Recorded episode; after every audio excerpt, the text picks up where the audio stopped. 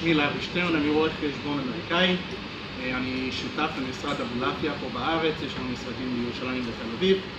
אה, אפילו שאני לא רואה חשבון ישראלי, השותפים שלי הם כן, אז אנחנו עובדים ביחד כדי לתת פתרון הוליסטית גם מהיבט האמריקאית וגם מהיבט הישראלית, שחייבים להסתכל על, על כולם ביחד. כמו שאסף הסביר לכם, שני עקרונות כשמדבר, כשמדובר בהשקעות זה עניין של התשואה והעניין של הסיכון. אבל יש היבט שלישי, שלדעתי היא לא פחות חשובה, וזה ההיבט המיסוי, שכשמדובר בהשקעות חייבים להבין אחרי כל המיסים, כמה נשאר לי. תשואה ברוטו זה משהו טוב ויפה, אבל אם, אם אני משלם 50% מס, אולי זה קצת יותר טוב לקבל תשואה קצת יותר קטנה ולשלם רק 25% מס. אז ההיבט המיסוי זה משהו ש... שצריכים לקחת בחשבון בכל, בכל ההשקעה.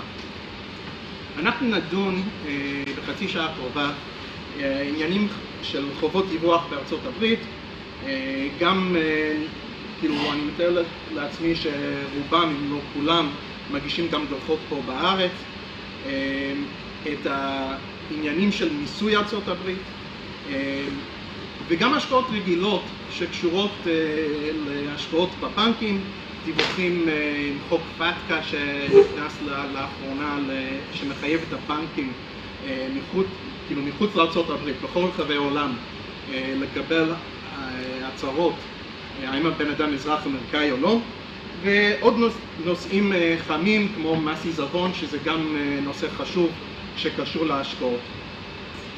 רק כשאני יכול לשים קצת פוקוס להרצאה, כמה אנשים פה הם אזרחים אמריקאים? כמעט ולא. מה שאני, אז, אז אני אשים פוקוס עקרונית למשקיעים ישראלים וההיבט המיסוי האמריקאי בהשקעות בארצות הברית או בארצות, בהשקעות במניות אמריקאיות ש, שגם יש בזה השלכות. נתחיל עם חובות דיווח. תושב ישראל, כמו כולם, שמשקיע בארצות הברית, אם ההשקעה בנדל"ן או בסוג אחר, אני לא מתכוון למניות בתיק ההשקעה במיוחד, חייב להגיש דוחות לארצות הברית. החובת דיווח זה לא, לא אופציונלי, ועל השקעות בארצות הברית, הזכות ראשונה למסות זה בארצות הברית. זה לא אומר שיהיה כפל מס, אבל חובת דיווח ולשלם את המס קודם כל לארצות הברית ואז משלימים לישראל. בארצות הברית, לא כמו בישראל, יש ישויות שונות שממסים. אחד זה הרמת הפדרלית, כאילו ה-federal government, השני זה ברמת המדינה, state taxes, והשלישי, לפעמים יש בכמה מדינות גם מיסוי עירוני, אני לא מתכוון לארנונה ו-property taxes כזה, אני מתכוון למס הכנסה. וכל משקיע, אפילו אם הם בני זוג, בישראל מש... מדווחים ביחד בדוח אחד, החישוב מס היא נפרדת, אבל בארצות הברית, למי שלא אזרח אמריקאי, חייב להגיש דוח בנפרד. זאת אומרת, שני הבני זוג, כל אחד מגיש את הדוח משלו, אפילו אם הם משקיעים ביחד. תיק ההשקעה של מניות, על, על, פניו לא מחייב הגשת דוח מס. יש מקרים שהברוקר האמריקאי מנקה מס במקור לא, לא תקין, ואז הבן אדם ירצה להגיש דוחות ולקבל החזרים, אבל עקרונית אין חובה רק בגלל תיק מניות. כדי להגיש את הדוח מס, גם צריך איזשהו מספר זיהוי לצורכי מס בארצות הברית, כמו תעודת זהות או מספר תיק. המספר הזה קיים לתקופה של חמש שנים, מהשנה האחרונה, שמגישים דוחות לארצות הברית, ואז הוא פג תוקף. עכשיו, בגלל שאין לנו הרבה אזרחים אמריקאים, אני רק בקצר אגדיר מה החובות של אזרח אמריקאי. אזרח אמריקאי חייב לדווח על ההכנסות העולמיות שלו, לא רק מה שקורה בארצות הברית, גם מה שיש לו בישראל גם בהכנסה של עבודה האקטיבית וגם ההכנסה הפסיבית, ההשקעות, אה, וגם לדווח על חשבונות פיננסיות מחוץ לארה"ב. אה, לצורכי נגד הלבנת הון יש טופס שנקרא FBAR, לא יודע אם שמעתם על זה בחדשות, אבל יש הרבה כתבות ואינפורמציה על החוקים שארצות הברית לאחרונה, מ-2009, מתחיל לעקוב הרבה יותר אחרי החשבונות ואת ההכנסות של האמריקאים שעד עכשיו לא דווחו. כשמדובר במיסוי בינלאומי צריכים לקחת בחשבון גם הדין הפנימי וגם האמנות שיש בין המדינות, אוקיי? לפי הדין הפנימי, בלי אמנה יש מצב שיש כפל מס. ההשקעה בארצות הברית, זכות ראשונה למסוף זה בארצות הברית, ובגלל שאתם תושבי ישראל, גם לישראל את הזכות למסות. אבל בגלל האמנות וגם הדין הפנימי לפעמים, יש זיכויים שלא יהיה כפל מס. זה לא במאה אחוז שהאמנה מכסה את החשיפה לכפל מיסים, אבל 99% מהמקרים אין מס כפול. ויש כמה, כמה סוגים של אמנות. יש אמנה למס הכנסה, יש אמנות לביטוח לאומי ויש גם אמנות לעיזבון. נכון להיום, עכשיו בארץ אין מס עיזבון, היה בעבר, אין היום.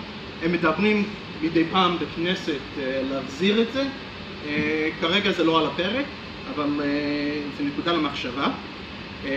אין אמנה, יש אמנה למניעת כפל מס הכנסה בין ארה"ב לישראל, לא כל המדינות בארצות הברית מכירים באמנה הזו, ואין אמנה למניעת כפל ביטוח לאומי במקרים של, בוא נניח, אזרח אמריקאי שחשוף לביטוח לאומי אמריקאי וגם ביטוח לאומי ישראלי.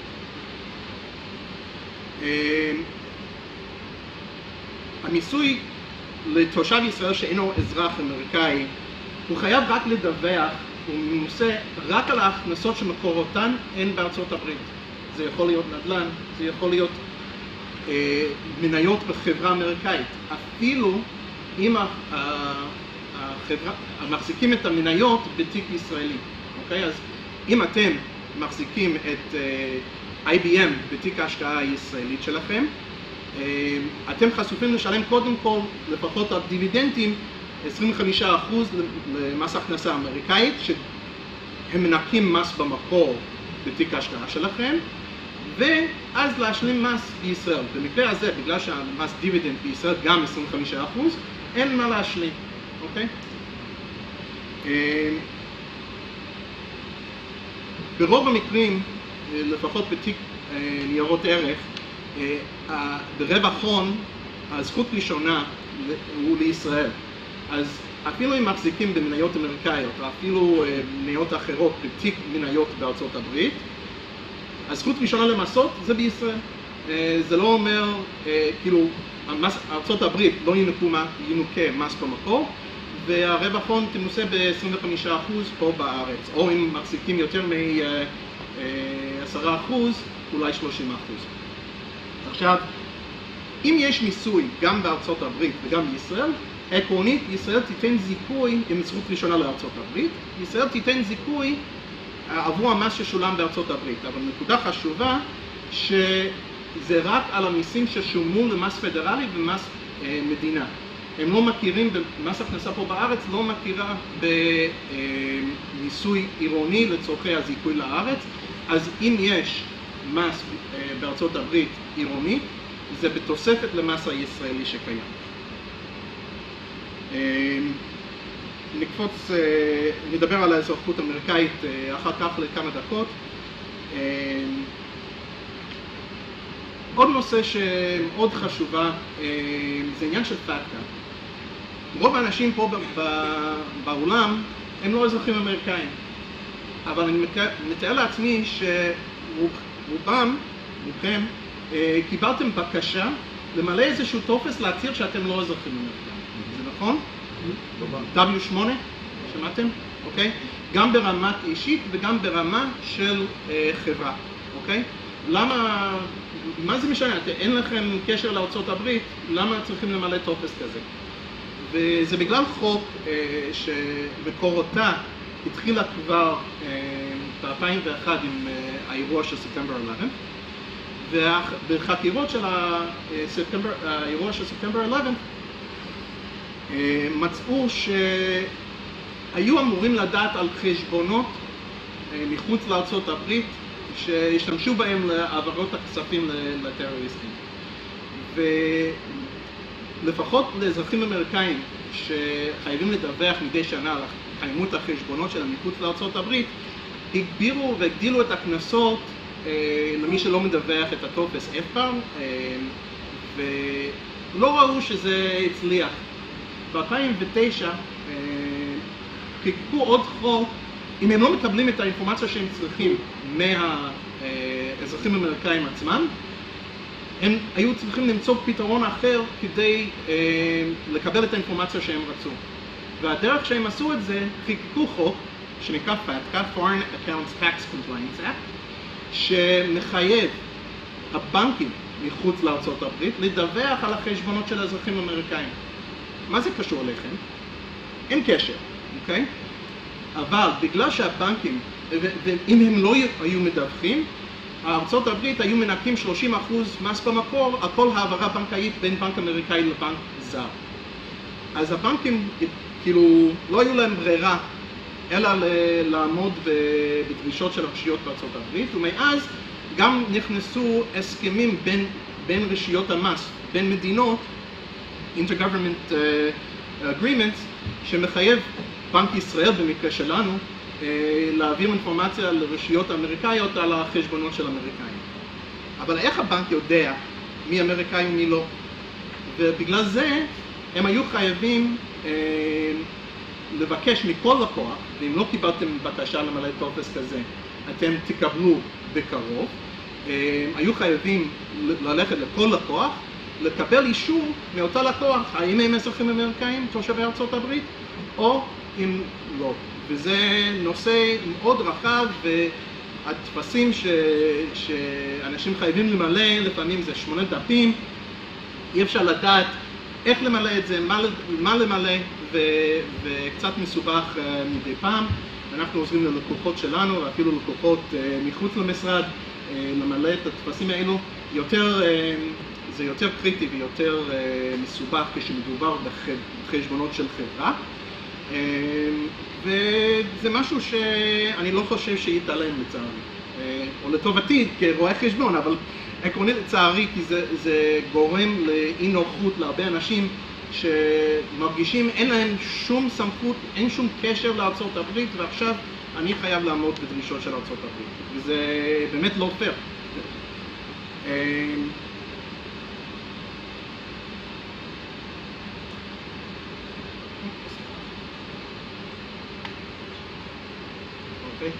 אה, יש סוגים שונים של הטפסים האלו, אה, יש W8PEME לחברות שצריכים למלא אם הן חברות אקטיביות, אה, יש כאלה שנותנים שירות ברמת הבנקאיות, שמחזיקים חשבונות עבור אחרים, זה טופס IMY, פחות רלוונטי את כל פרטי הפירוט, אבל זה מאוד חשוב שתבינו שאם לא תמלאו את זה, הבנק, רוב הסיכויים שיקפיאו את החשבונות. עכשיו, בהקשר לאמריקאים, אה, הבנקים לאחרונה, אה, שמענו על מקרים גם מבנק לאומי וגם מבנק דיסקונט, שמגדירים את החשבונות, אה, מגדילים את החשבונות של האזרחים האמריקאים.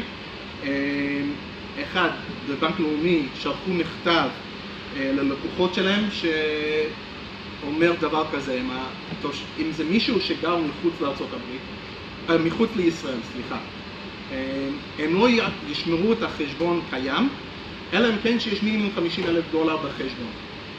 זה יכול להיות אפילו מישהו שעובר לכמה שנים לארצות הברית, זה לא רק אזרחים אמריקאים שגרים בארצות הברית, זה יכול להיות אתם, אם אתם עוברים לחו"ל לכמה שנים, אתם גם תהיו כאילו חשופים לחקיקות האלו אה, של הבנקים. ההגבלה, המגבלה הזו לא רשום בחוק, אוקיי? זה הגבלה, זה הגבלה של הבנק עצמה, אה, ואין בזה שום קשר לחוק, זה רק החלטת אה, הנהלת הבנק. נוסף לזה, לאזרחים אמריקאים בבנק דיסקונט אמרו בגלל חשש שהבנק ינהל תיק השקעות אמריקאיות או למכור מניות אמריקאיות לאמריקאי באדמת ארצות הברית שיש בזה אה, בעייתיות, אה, בנק דיסקונט מחייב את האזרחים שלהם לחתום שהם לא ינהלו בחשבון הישראלי שלהם כשהם באדמת ארצות הברית.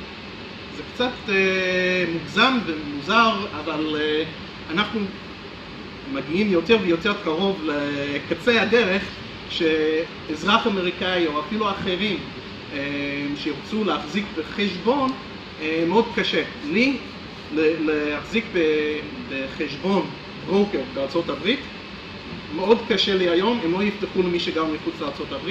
בנק ישראלי לא רוצה לטפל בי, כי עם כל הדרישות של הפתקה הזו, אה, וזה מאוד קשה לאזרחים אמריקאים אה, להשקיע בימים אלו.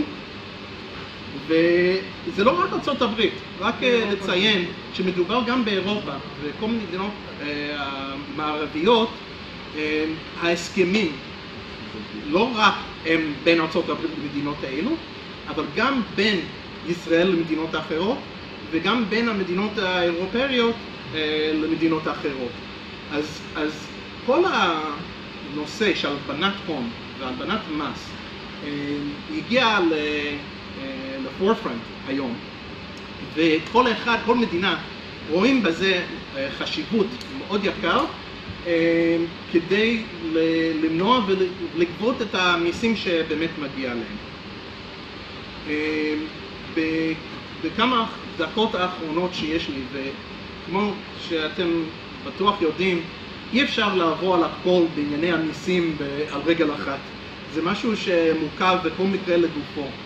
אבל נושא מאוד חשובה, אה, חשוב, שכשמדובר בהשקעות, אה, במיוחד בארצות הברית, זה עניין של מס עיזבון.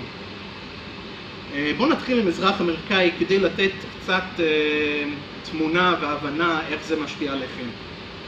אזרח אמריקאי חשוף למס עיזבון על, ה, אמ, על כל הנכסים שלו, זה לא משנה אם הם בארצות הברית או אם הם מחוץ לארצות הברית, אבל יש פטור עד ח, בערך חמש וחצי מיליון דולר אה, ממס עיזבון. זה, זה טוב ויפה, אה, רוב האנשים בארצות הברית ואפילו מחוץ לארצות הברית אה, לא חשופים למס עיזבון בגלל הפטור הגבוה הזה. אבל ישראלי או איש זר שמשקיע בארצות הברית אה, ומחזיק בנכס אמריקאי, זה גם כולל נדל"ן, מניות ב-LLC, מניות בחברה אמריקאית, אוקיי? אה, הם חשופים למס עיזבון, אבל הפטור למס עיזבון הוא רק עד 60 אלף דולר בלבד. אז כל השקעה או כל שווי נכסים מעל 60 אלף דולר, וזה כולל, שוב להדגיש, זה כולל מניות אמריקאיות היושבות בחשבון בנק בישראל, אוקיי? כי הזכות ראשונה על המניות האלו זה נחשב כנכס אמריקאי לצורכי מס. אוקיי? כלומר, אם הוא אמריקאי, סליחה, והוא מוכר נכס, סליחה, אזרח ישראלי, כן. חי בארצות הברית, ומוכר נכס בישראל. זה מס, מכירה, אני מתכוון, בן אדם הולך לעולמו... האם יהיה לו מס עיזבון? לא, עיזבון רק חל כשמדובר, כשבן אדם הולך לעולמו, הוא מחזיק את הנכס. היורשים. מה? היורשים. היורשים כאילו משלמים, זה מס ירושה. היורש... כאילו, לא, לא, כאילו, ביום הפטירה יש חשיפה לשלם מס עיזבון על השווי הנכס, לא על הרווח, אבל השווי הנכס ביום הפטירה.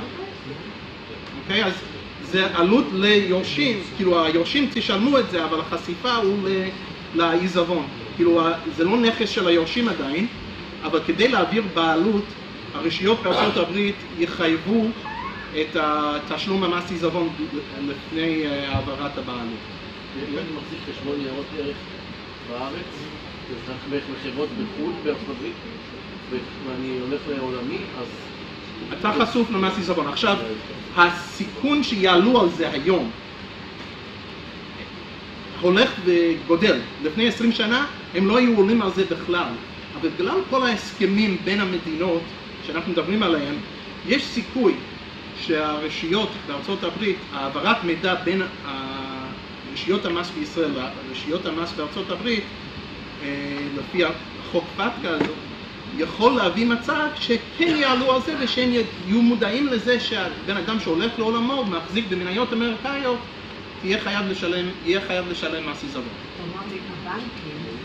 בארץ נדרשים לדווח, נניח שבעל החשבון אה, הולך לעולמו, החשבון עובר ליורשים ויש שם מניות אמריקאיות. נכון. האם הבנק בארץ חייב לדווח לרשויות כן. בארצות הברית? יש פה מצב של העברת נכסים, אה, העברת עיזבון עם מניות נכון, אמריקאיות? נכון לעכשיו זה לא כלול בתוך הדיווחים מהבנקים לארצות הברית. אבל זה אוקיי? יכול לקרות. אבל אני רואה את זה בעתיד, שזה משהו שיקרה.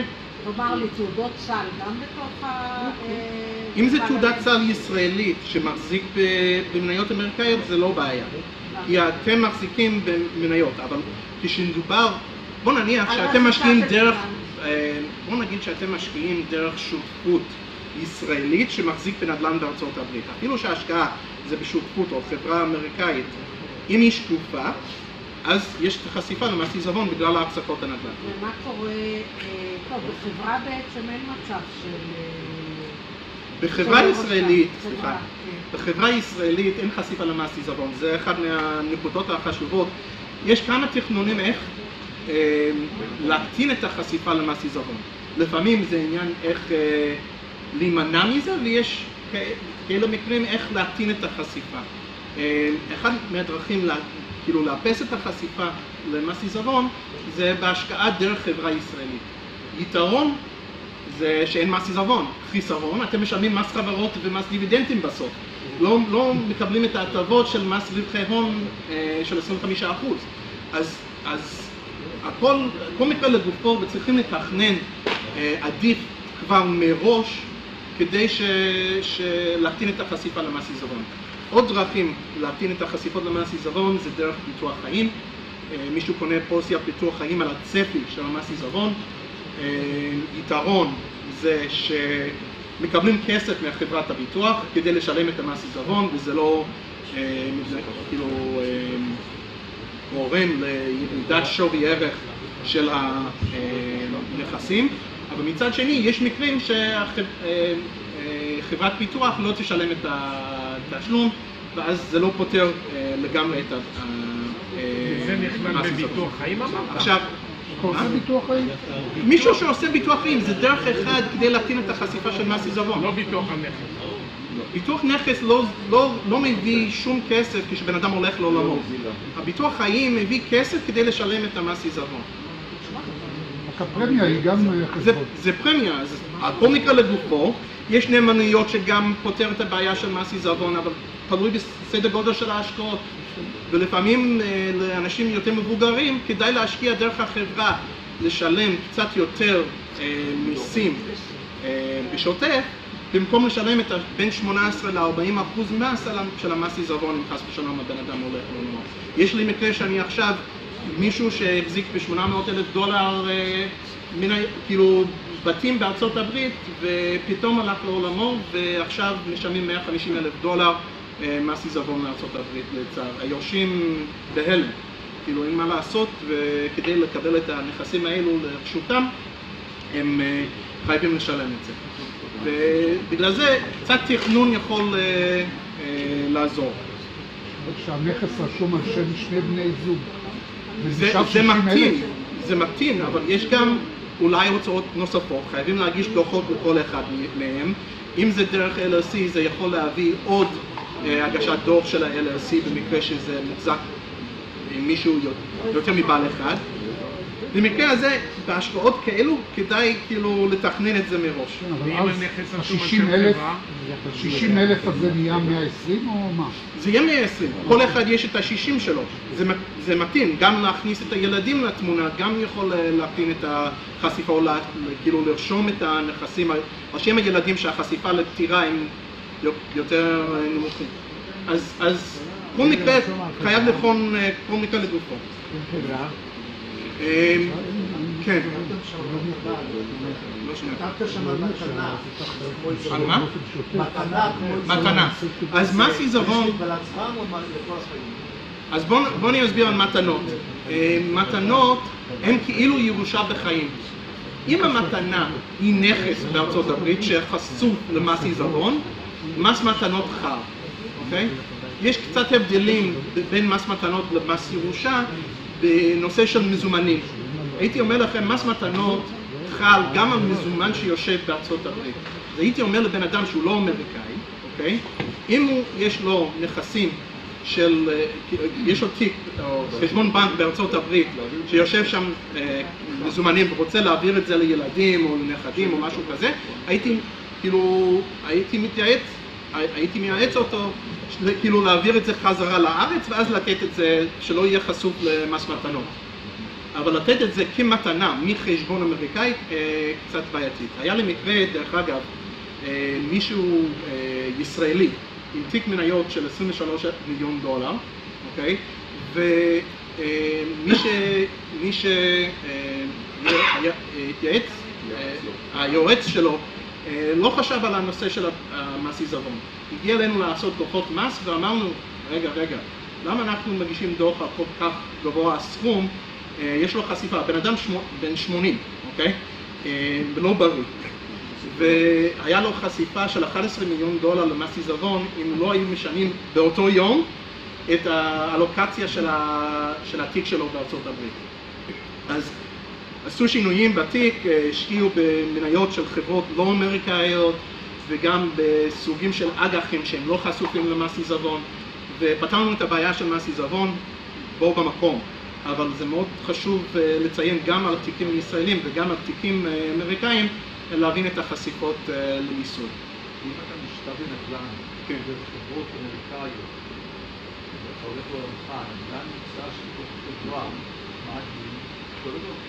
תלוי איזה חברה, מדובר בחברה אמריקאית או חברה ישראלית? שתי האפשרויות. אוקיי, בוא נגיד, חברה אמריקאית זה לא משנה אם, אם החברה היא שקופה לצורכי מס כמו LLC, זה כמו חברה משפחתית, LLC זה כמו חברה משפחתית פה בארץ שהמיסוי זה ברמת היחיד, אוקיי? או אם זה חברה אטומה שמשקיעה בנדל"ן ואתם מחזיקים במניות של החברה, זה אותו דבר לצורכי מס עיזבון, אוקיי?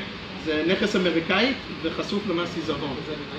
מה? או בגלל שזה מניות או בגלל שזה נדל"ן, זה לא משנה אם זה, אם זה שקוף וזה מחזיק בנדל"ן, זה כאילו אה, נכס בארצות הברית, אם זו חברה אמריקאית אטומה, אז זה מניות שגם חשוף למס עיזבון אמריקאי.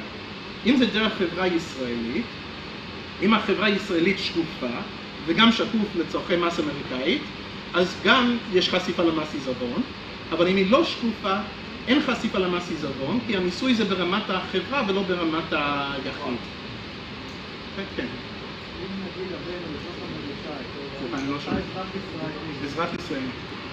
ואתה עושה לו את ההעברה פה בארץ, לא? לא אם הוא לא תושב ארצות הברית. דבר. לא, תושב ארצות הברית, אני מתכוון לאזרח, בוא נניח, יש מס מתנות לאזרח, זה לא משנה איפה החשבון והכסף נמצא. יש פטורים עד 14 אלף דולר ליחיד לשנה, שאפשר לתת בלי דיווח, בלי חבות אה, אה, מס מתנות, אה, וגם לבני זוג שלא אזרח אמריקאי יש סכום קצת יותר גבוה, של בערך 150 אלף דולר, שאפשר לתת מדי שנה, אבל אה, זה בעיה, כאילו, חייב לתכנן את זה. כן.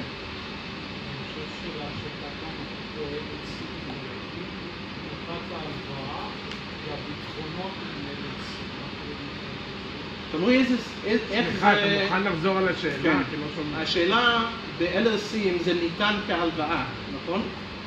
אה, אם ההשקעה כאילו ניתן כהלוואה.